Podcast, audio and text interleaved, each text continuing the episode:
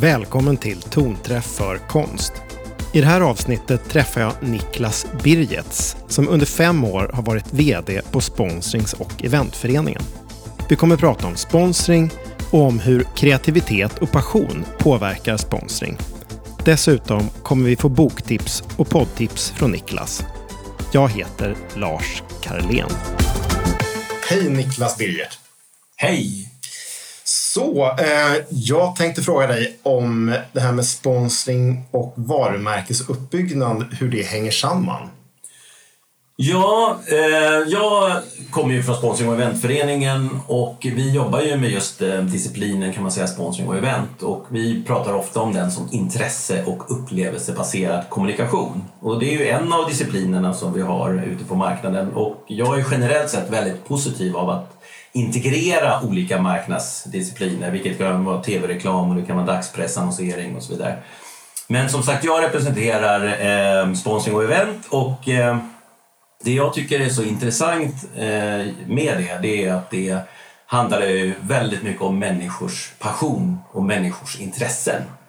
Eh, och är man väldigt intresserad av opera, eller teater, eller musikfestivaler eller idrott, och det finns ju en mängd olika, eller socialt ansvarstagande när det gäller frågor kring barn eller någonting annat, så är det ett sätt för företagen att bygga deras varumärke genom att lyfta in mina intressen. Så att om man tittar på, jag kommer ju tidigare från Skandia och banksektorn och försäkringssektorn och vad är det då som kan särskilja försäkringsbolagen eller bankerna sinsemellan? Jag skulle säga att produkterna är relativt snarlika och man jagar varandra lite i priser och så vidare. Men vad är det mer som de kan göra för att bygga varumärket som gör att jag vill vara en lojal kund med det försäkringsbolaget eller den banken? Och där tror jag det är jätteviktigt att jobba med de här frågorna kring just eh, individernas passion, det vill säga veta mer om vad kunderna verkligen drivs av. Och det är bara att gå till sig själv. Jag menar, det är klart att vara på en EM-match och Sverige spelar final, alltså det är ju grandiost. Eller att vara på en musikfestival runt om i Sverige så är det ju stämningen, den artisten, hela känslan är ju jättestor. Och vara där då som ett varumärke och förhöja den upplevelsen som man får vara med om. Det är då man liksom når den här pricken över i på något sätt, att eh, lyfta varumärket. Och då självklart att nästa gång jag väljer att köpa en produkt, ja, varför inte fortsätta att vara lojal med det varumärket som kanske då har gett mig möjligheten att till förköp av biljetter, om det är idrott eller kultur eller vad det kan tänkas vara. Och, och du sa det här med att förhöja själva evenemanget. Mm. Har du något eh, som du tycker är väldigt bra exempel på när man har, har gjort det liksom, på ett sätt som du tycker är, är bra?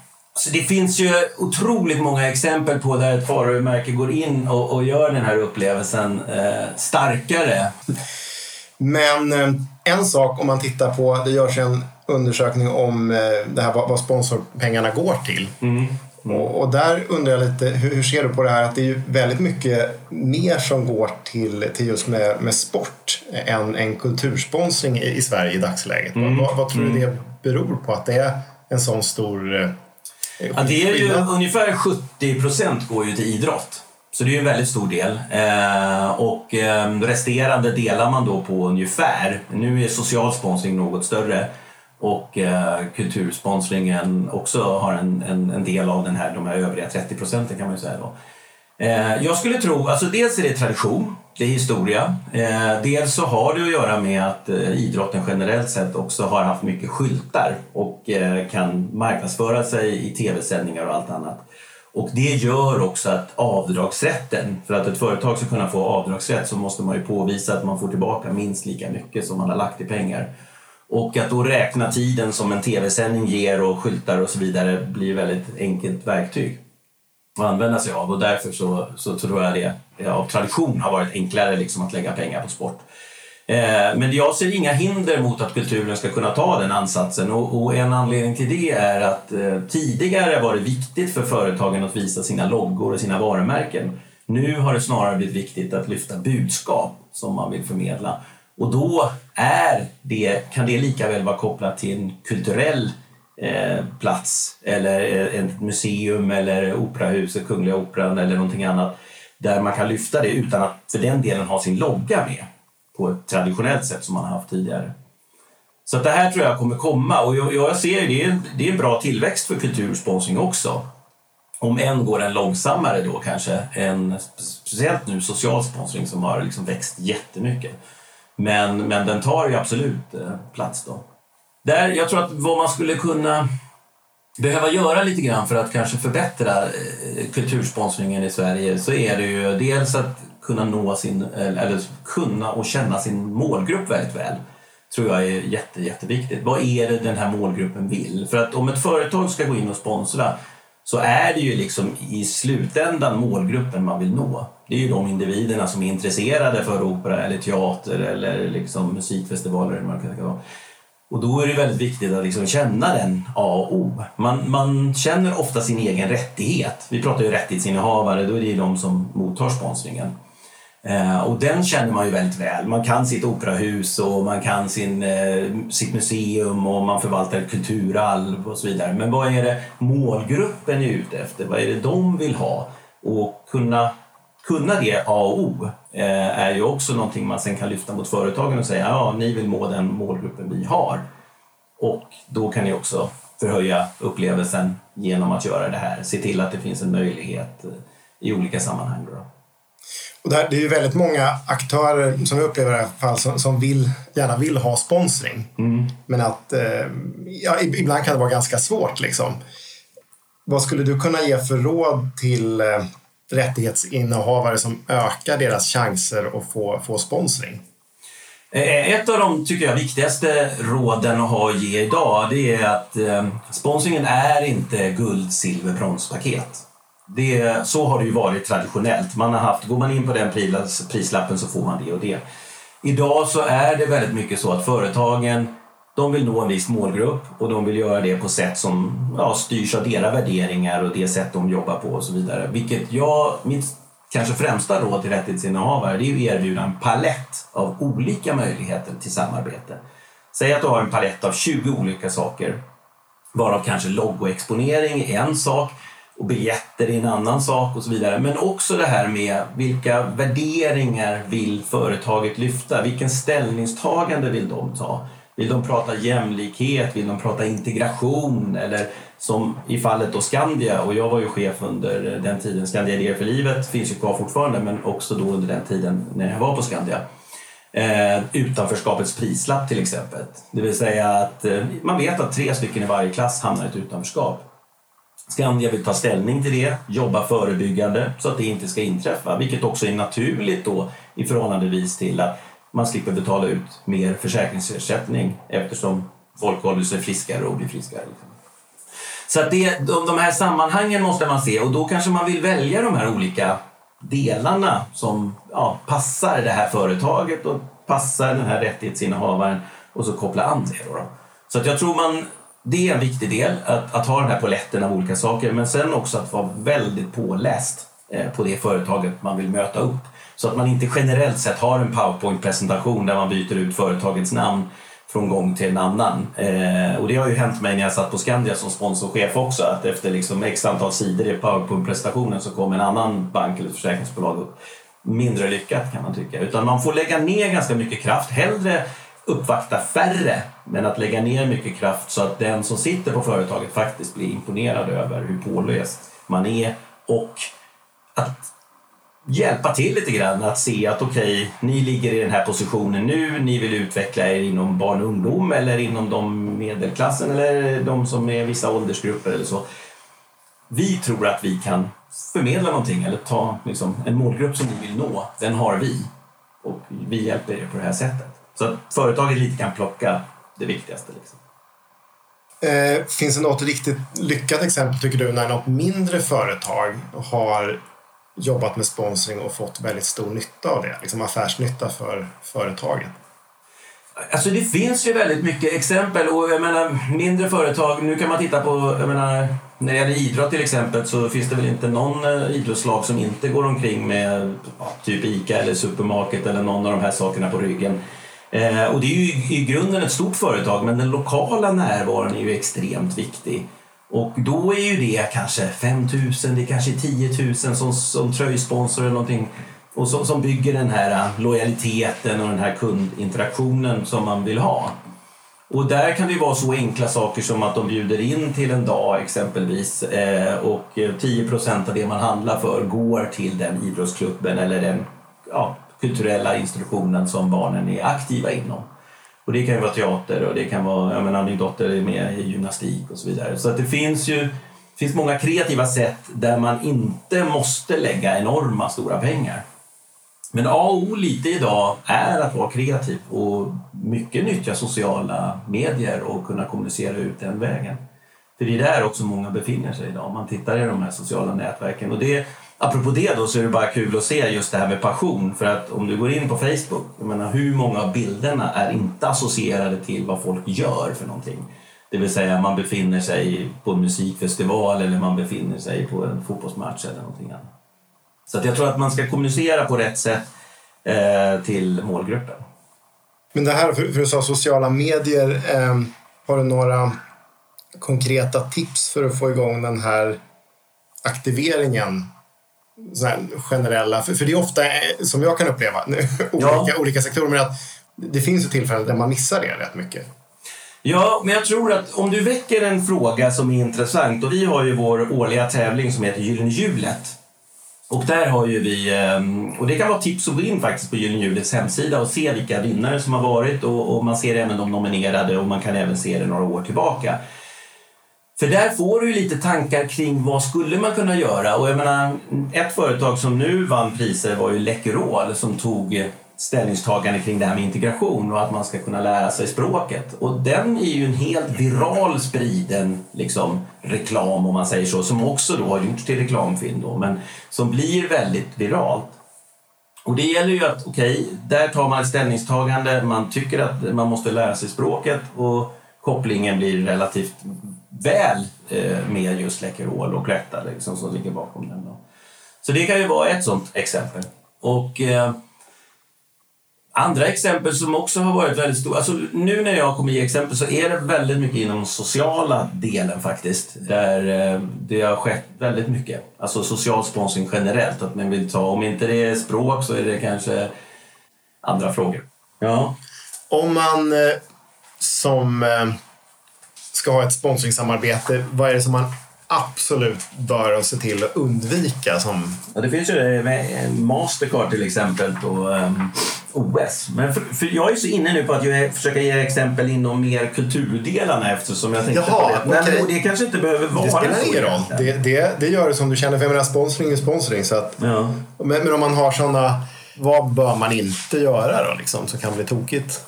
Mm.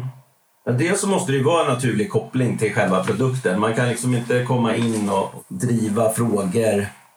Men vad finns det för saker som man bör undvika när man jobbar med ett sponsringssamarbete? Dels så tror jag det är jätteviktigt att det finns en, en autentisk, eh, trovärdig koppling till dem. Om man nu är ett företag och satsar på en rättighetsinnehavare oavsett idrott, kultur eller socialt så måste det finnas den här kopplingen, den här trovärdigheten. Varför går man in i det samarbetet? Och, och där är det helt klart så att där är det också viktigt att en trend som är nu är att man sponsrar mycket individuella personer och man kanske jobbar exempelvis med influencers och inom sponsring kallar vi det ofta för endorsement. Och går man då in och använder sig av en känd person för att kommunicera ut sitt varumärke så är det ju extremt viktigt att den personen då håller sig inom gränserna. Eh, och jag menar, ett, ett sånt gammalt fall nu som i och för sig kan ha aktualiserats igen det är ju Tiger Woods där det blir väldigt riskfyllt att satsa alla pengar på en person som är extremt framgångsrik om den sen gör ett snedsteg. Eh, och där vet jag att många företag idag har också klausuler, eller liksom, man har ju anpassat dem efter det, men också att man kanske inte så ofta sponsrar individuella personer med tanke på risk för doping och sådana frågeställningar. Men, men, skulle det rent av kunna vara ett, ett råd? För menar, det är ju samma det, även om det är en artist eller så, som att ja. den personen kan ju plötsligt på något sätt göra någonting som inte är bra. Och är, man då, är då hela sponsringen eller otroligt mycket av associationerna till varumärket upphängt på den personen så är det ju, ja, då faller man ju med den personen. Absolut. absolut. Det kanske är liksom en, en... Ja, jo, man, ja, ett tips är absolut att man ska vara vaksam eh, och tänka sig för. Eh, men det kan också vara liksom det omvända. För att eh, säga att ett stort företag sponsrar och sen gör företaget totalt bort sig i olika typer av frågor. Då blir ju det inte så jättekul för om det nu är en ballett eller ett operahus som har en stor peng från ett företag som sen inte visar sig göra riktigt schyssta affärer. Då kan ju det bli negativt gentemot rättighetsinnehavaren. Så en del som jag tror är jätteviktigt det är att båda parterna skriver in i avtalet att vad händer om någonting sker, om någonting blir fler. Så att jag tror att, att man ser att det är extremt lönsamt idag att ha det här med influencers och endorsement men det är också viktigt att säkra upp att den personen kommer att vara lojal och också eh, lite grann hålla sig i skinnet då, så att det inte det händer någonting. Och, och, det går att säkra upp dels genom att skriva avtal så att man kan komma ifrån det men har den väl sagt någonting ofördelaktigt och där, ett annat sådant exempel kan man ju ge när det gäller, jag menar, om man nu har ICA exempelvis som stor sponsor Eh, oavsett om det är idrott, kultur eller någonting, ja då kanske man ska vara lojal också och handla sina varor där och inte gå iväg till en konkurrerande eh, verksamhet. Då. Så det är väl också ett tips att tänka på att eh, hittar vi nu ett samarbete, ett idrottslag eller så som får sin sponsring därifrån, ja då kanske man inte... Ja. Det här med avtal var du inne på. Vad har du för grundtips där när man eh, gör ett sponsringssamarbete? Vad, vad ska avtalet innehålla? Det som är jätteviktigt det är ju själva överenskommelsen. Alltså dels ska ju grundförutsättningarna finnas där, vilket som är parterna och allt det där och vad händer om någonting går snett och så vidare. Men, men sen är det ju vad är det man förväntar sig av respektive part. Ibland kan jag tro så att eh, man som rättighetsinnehavare, man är väldigt mån om att få in den här sponsorn och ehm, men också vad är det sen som ska levereras och vilka rättigheter respektive skyldigheter har respektive part. Det tror jag är, är jätteviktigt att föra in där för att det inte, handlar inte bara om att sälja in själva affären och sen tänker man oh, nu går vi på nästa företag och så säljer vi in och så får vi en ny sponsor. Utan det handlar ju för att, för att dels så skapa liksom den lojaliteten som ska finnas och så att företaget vill fortsätta sponsra så handlar det ju också om att faktiskt eh, de skyldigheter man har måste man kunna visa upp och prestera liksom hela tiden. Det tror jag är eh, oerhört viktigt att få med i avtalet. Och sen en annan del som jag tror också är viktigare idag än vad det kanske var tidigare. Det är att man får med själva aktiveringen. För ofta är det så att du går in med en summa pengar och sen ska du ha ett samarbete. Men det gäller ju också att parterna gör någonting på plats, kanske både före och efter. Och då är det ju oerhört viktigt att man har med pengar för det så att inte man går in i en avtalskostnad och sen blir man jätteglad över att det här avtalet har landat och sen har företaget inga pengar för att aktivera sig. Så där kan ett tips vara att i de här avtalen också skriva in att en viss budget går till själva avtalet som man skapar mellan parterna, det vill säga själva sponsringskostnaden, men också att det ges möjlighet till att aktivera sig och göra på plats. Och det kan nog vara lika, jag menar det är tacksamt för rättighet att få pengar, men det är också rätt frustrerande om man bara får pengar och sen finns det ingen på plats och aktiverar själva rättigheten. Då känns det också väldigt tomt och intetsägande och man undrar lite, ja varför går det stora företaget in och sponsrar som man, och ändå inte tar möjligheten att eh, också vidare exponera sig och aktivera sig. Det här om man tittar på andra länder där. Eh, nu finns det ju många mm. länder i världen, men, men har du några intressanta paralleller om, om vi tittar till exempel i övriga Norden? Mm. Är upplever du att det är stora eller små skillnader mellan det här med sponsring i liksom Sverige och de andra nordiska länderna? Jag skulle tro att alla jobbar eh, relativt lika i de nordiska länderna och eh, det finns ju motsvarande sponsring och eventföreningen både i Norge och i Finland exempelvis. Eh, och det växer ju på de marknaderna också. Eh, så jag skulle säga att det är ganska lika. Eh, man jobbar ungefär med samma frågeställningar och vi har ett internt utbyte med varandra också för att se vad, vad, vad är trenderna. Och där har ju också även gjorts en, en, en konferens som har huvudtaget, eller som har hållits av den finska föreningen men som också där jag har varit delaktig och pratat och så för att liksom lyfta frågorna och få det högre upp på agendan. Men finns det några länder du tycker som du har mött, men om man tittar i världen som, ja. som, som sticker ut att wow, här har man kommit väldigt långt? Alltså, ja, vi är, för det första ska man då komma ihåg att vi är väldigt duktiga i Sverige vi, vi gör otroligt mycket bra när det gäller sponsring och event. Och det märks särskilt eh, för föreningen arrangerar en, en årlig resa till eh, den stora sponsringskonferensen IG i Chicago.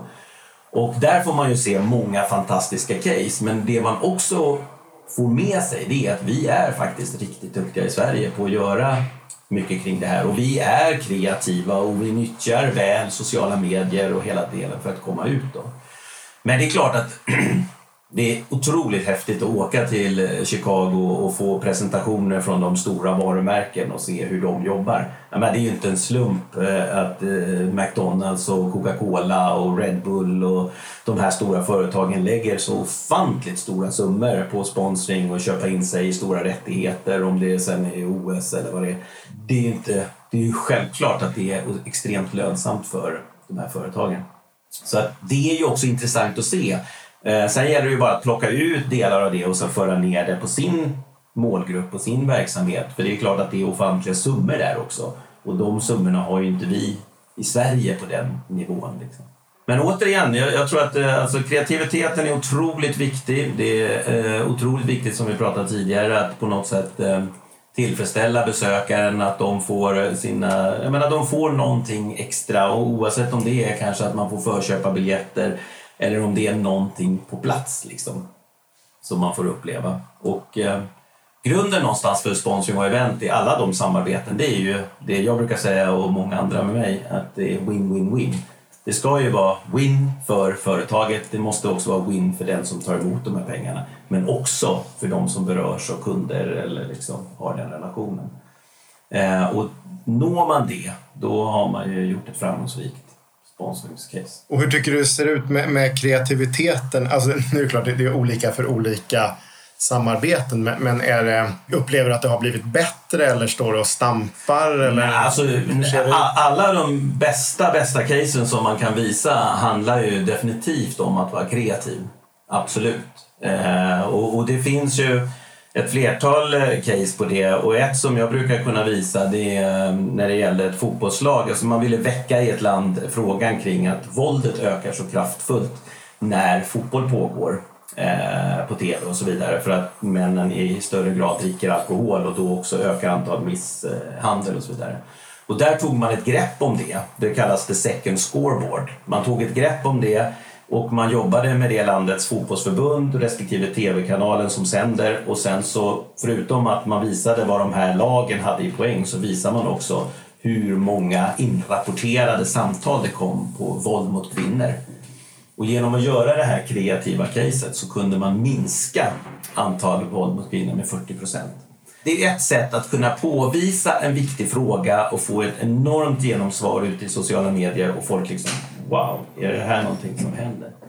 Och där har vi ju ett svenskt exempel när det gäller eh, Unicef och Gothia Cup till exempel där man ville lyfta den här eh, vattenfrågan, hur, vilken enorm brist det är i världen på vatten. Så att det finns många sådana här kreativa case som, som eh, kommer och visar sig. Jag skulle också kunna nämna ett annat exempel i samband med Super Bowl till exempel på idrottssidan där Audi i år, man, Super Bowl är väl världens dyraste reklamspottar att köpa, där man i år då visar att man vill ta ett ställningstagande för jämlika löner, det vill säga att eh, kvinnor ska tjäna lika mycket som män. Och det är också ett statement liksom, att man vågar ta den. Sen är det självklart att de här företagen måste ju leva upp till de här sakerna själva och så vidare, men vi ser en, en betydligt större kreativitet idag på, på olika typer av case.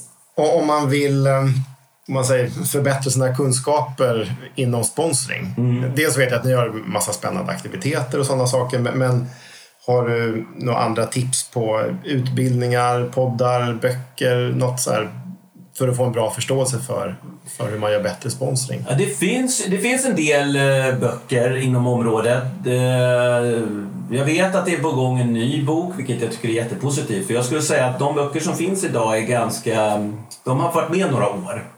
Eh, och det finns en, en tjej i Australien, Kim Skillen Reed, som skriver väldigt mycket, The Sponsorship Toolbook.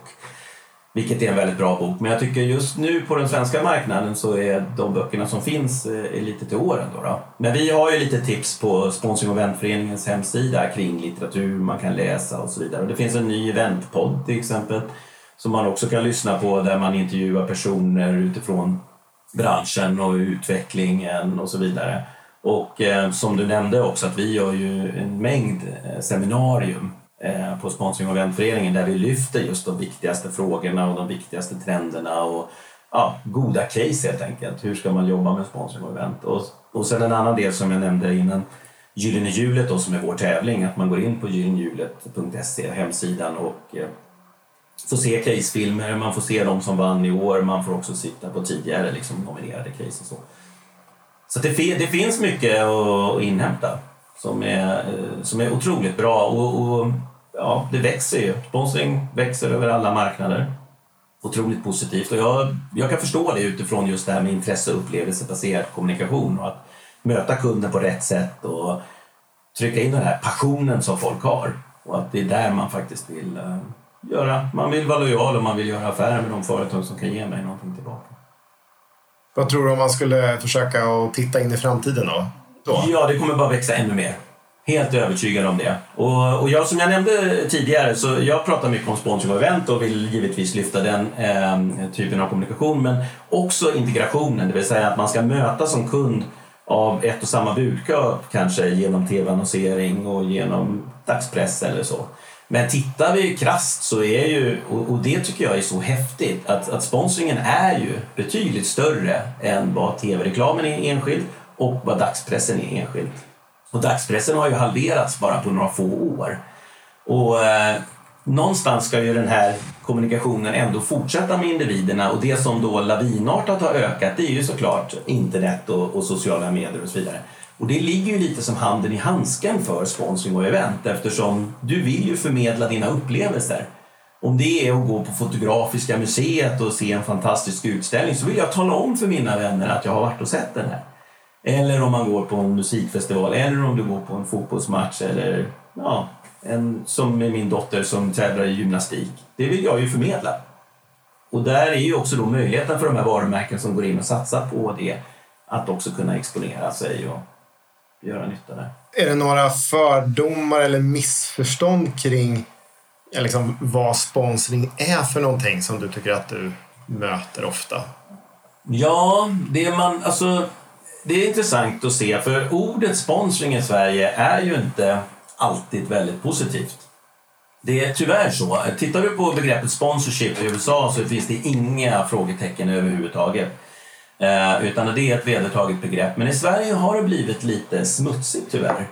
Eh, och det kan ligga i grunden att sponsringen eh, traditionellt tidigare var ofta ganska styrt utifrån eh, kanske vdn eller marknadschefens intressen och så vidare. Och att eh, därför så gick ett företag in och sponsrade vissa olika delar av verksamheten för att liksom, ja, det gynnade dem själva. Jag skulle säga att till viss mån kanske det fortfarande finns kvar men i de stora företagen så skulle jag säga att idag är det så jag menar, det sitter så mycket controllers och internt som, där man ska visa upp hela tiden vad, vad den här sponsringen ger för nytta. Så det är svårt att bara liksom lägga några miljoner på någonting som sen företaget inte har någon nytta av överhuvudtaget. Bara för att man kanske har en ledningsperson som är intresserad av det. Så jag, idag så tvättas begreppet betydligt bättre och, och blir renare än vad det varit tidigare. Men eftersom det är då ibland lite sådär eh, smutsigt relaterat så, så använder vi också både sponsring och event men vi använder också intresse och upplevelsebaserad kommunikation där då intresse står för sponsring och upplevelsen för själva eventet. Det finns ju flera duktiga byråer som jobbar med sponsring mm. i, i Sverige. Mm. Vad är fördelen med att anlita en sån byrå mot att helt liksom rodda det själv? Ett sponsringssamarbete som, som företag. Just det, precis. Dels så finns det ju många olika typer av eventbyråer, kommunikationsbyråer och reklambyråer och, och um, sponsringsbyråer som då hjälper till och, och lyfter branschen och de gör ju det på ett alldeles förträffligt sätt. Och jag tror många gånger att det är bra att kunna använda sig av dem eftersom de sitter med en ganska bred kompetens och också en, en kunskap med många exempel. Eh, och eh, sen har vi ju också eh, ny, alltså vi har ju också mäklare om man säger så, mäklare, de som förmedlar sponsorer eh, till rättighetsinnehavare. Och även där så har ju de ett brett kontaktnät vilket gör att det ibland kan vara enklare än att du själv då ska försöka ringa upp varje sponsorchef eller eventchef. Eh, men, och sen ska du ju få möjligheten att träffa dem också, att kunna liksom, ja, kunna sälja in din idé och det. Eh, och, och det, tar, det kommer ta mycket tid att, att, få tag i det och då kan man ibland anlita just när mäklare liksom som då förmedlar de här uppdragen istället och hjälper dig att göra det. Så det är, det är, det är jättespännande och, och den här integrationen mellan de här olika byråerna också har ju blivit bättre. Jättespännande, men skulle du kunna summera vad du tycker är viktigast att tänka på när man jobbar med sponsring? Ja, absolut. Och ehm, eh, några sammanfattande punkter som jag tycker är viktiga. Det är dels, vi har varit inne lite på det här med win-win-win. Att det måste vara en vinst för alla inblandade parter. Eh, sen givetvis då nyttja människors passioner och intressen. Eh, för det kommer att, att, skapa starka känslor och även minnen och band som man kommer vara oförglömliga. Liksom. Tillfredsställ behov. Vad är det för upplevelse? Hur kan man förhöja den på ett bra sätt? Ehm, återigen det här med att kunna sin målgrupp. Att vara trovärdig och autentisk. Ehm, jag tror att vi också går mot att bli mer individanpassade eh, i sina upplevelser och överraska. Det tror jag är jätteviktigt. Och individanpassa kan vi ju säga att, att ja, så, så, kan du din målgrupp så vet du också vad de vill ha för någonting och på det sättet ska du kunna nå ännu mer in mot själva individen. Kreativitet givetvis har vi varit inne på många gånger under samtalet. Eh, otroligt viktigt. Eh, tänk nytt. Eh, sen använd teknik och nya medier, sociala medier. Eh, bygg relation, skapa lojalitet. Det ligger lite ihop med det vi har pratat om tidigare, kunna se målgrupp såklart. Sen om man har ett, eh, en ja, sponsringsaktivitet som pågår under bara några dagar så är det också viktigt att bygga före och efter. tycker jag är jätteviktigt. Eh, storytelling, berätta liksom. Vad är det det handlar om och hur kan det här företaget förändra eh, situationen och, och världen kanske till och med. Eh, våga vara lite unik, vara lite modern, eh, våga kommunicera ut det man gör. Självklart nyttja hela trenden kring hälsa. Eh, nyttja också trenden kring hållbarhet, CSR, Corporate Social Responsibility, att ta sitt ansvar. Eh, det är viktigt att man som företag när man sponsrar och även som rättighetsinnehavare att man, man är engagerande liksom och inte avbryter eller liksom på något sätt stör upplevelsen. Och det är där jag tror också att eh, det här med alla loggor och skyltar och så vidare det kommer allt mer försvinna. För på något sätt så är det inte det som ger någonting tillbaka utan det är ju vad företaget kan bygga för relation och, och erbjuda. Liksom. Och sen till sist då, den punkten som också är jätteviktig, det är att använda syfte och mätbara affärsmål. Jätteintressant. Tack ja. så mycket. Tack så mycket. I nästa avsnitt av Tonträff för konst har du möjlighet att lyssna på konstnären Ernst Billgren och höra hur han har gjort för att bygga upp sitt personliga varumärke. Dessutom kommer vi prata om konst.